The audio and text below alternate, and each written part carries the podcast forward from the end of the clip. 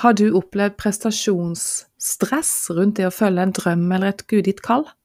Det har jeg.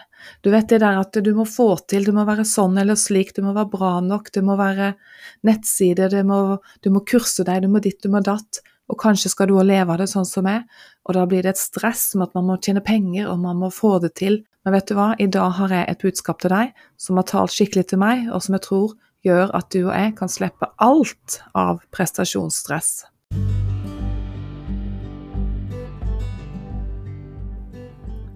Velkommen til podkasten Våg. Mitt navn er Tone Dalhaug. Jeg er journalist, coach og forfatter, og jeg gir deg historier som bygger troen, motet, drømmen og kallet ditt. Jeg har tatt med meg en liten kvist inn i mitt podkaststudio en eplekvist. Jeg fikk den av naboen som spurte om jeg hadde lyst til å pynte litt til påske, og det syntes jeg var fint, så jeg fikk en eh, stor grein, og så jeg klippet av litt kvister og satt i vann sammen med noen andre eh, kvister, og der er kommet grønne blader på noen av de, og på denne eplekvisten er det kommet grønne knopper.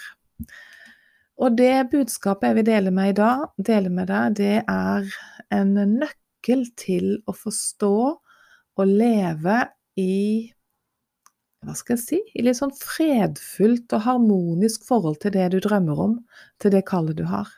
For det kan bli kav og stress. Det har jeg kjent på sjøl.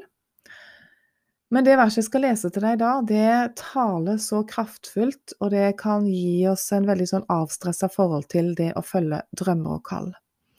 For denne kvisten som har disse grønne knoppene, snart kommer det hvite eller rosa blomster, og så kommer det frukt etter mange måneder. Er det min fortjeneste? Kan du kanskje si ja, for du tok jo denne kvisten inn og ga den vann. Men det kommer ikke så mye epler av å ha den inne, da. Men uh, OK, la oss si at uh, jeg er ute i hagen her og jeg beskjærer og jeg gjødsler og jeg passer på. Er det min fortjeneste at det kommer deilig frukt? Noen vil kanskje si ja, men uh, jeg vil si nei. Vet du hva? Svaret finner du i første Korinterbrev 3. Der snakker Paulus om at de, ja, de driver og krangler litt, da. Tilhørende og etterfølgerne. De eh, krangler litt om hvem de skal følge og høre på. Det er egentlig det det handler om. Men så sier da Paulus, så står det her Jeg hører til Paulus, og en annen sier jeg hører til Apollos. Er dere ikke da kjødelige når dere er opptatt av sånne ting? Og så kommer hovedpoenget som jeg vil dele. Hvem er da Paulus, og hvem er Apollos? Er vi ikke tjenere dere kom til tro ved? Og det ettersom Herren ga hver enkelt. Jeg plantet, Apollos vannet, men Gud ga vekst. Og den siste setningen der, en plantet, en vannet, men Gud ga vekst, vet du hva, det er et så frigjørende budskap som jeg virkelig vil at du skal synke inn hos deg og meg. For da, når du skjønner det, at det er Gud som gir vekst, så forsvinner dette kavet og dette presset om å få til, og spesielt sånn som for meg, som hvor jeg ønsker å ha og tror det er det Gud vil, at jeg skal ha det som en levevei, men det må ha jo rett fokus. Så det har jo vært noen runder, og det er en annen historie. Men, men det er noe med at eh, det kan fort bli et veldig stress rundt det å skulle leve av noe ha nok inntekt før familien, være en som bidrar inn i familien.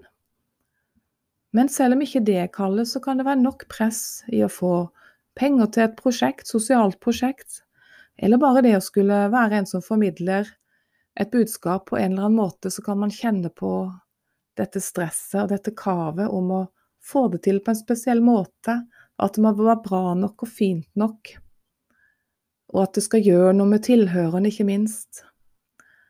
Vet du, Det beste stedet å være på, det er nettopp der at du bare kjenner at du kan ikke. Du kan ikke skape den veksten, du kan ikke skape resultatet i den andre.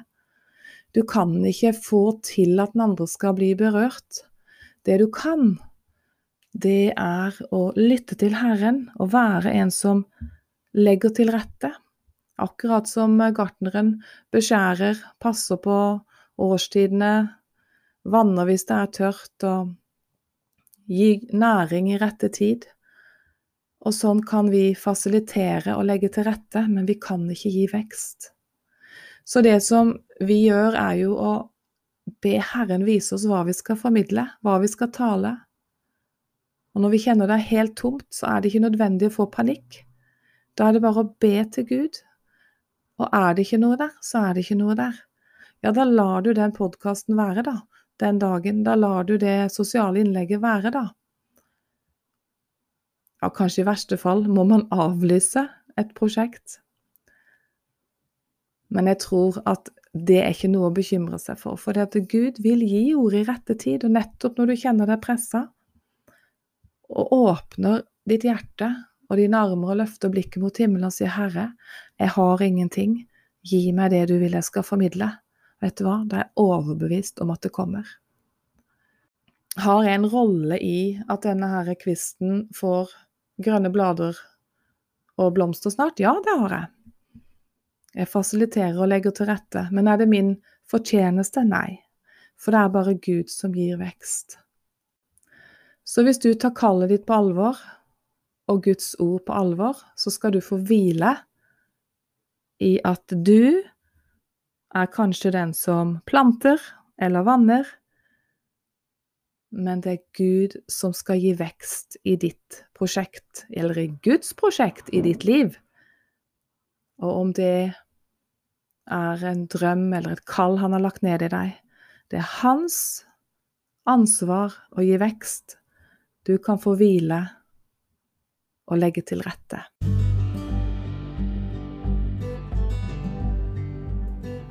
Tusen takk for at du lytter til podkasten Våg, og del den gjerne med andre som du tror kan ha glede av den.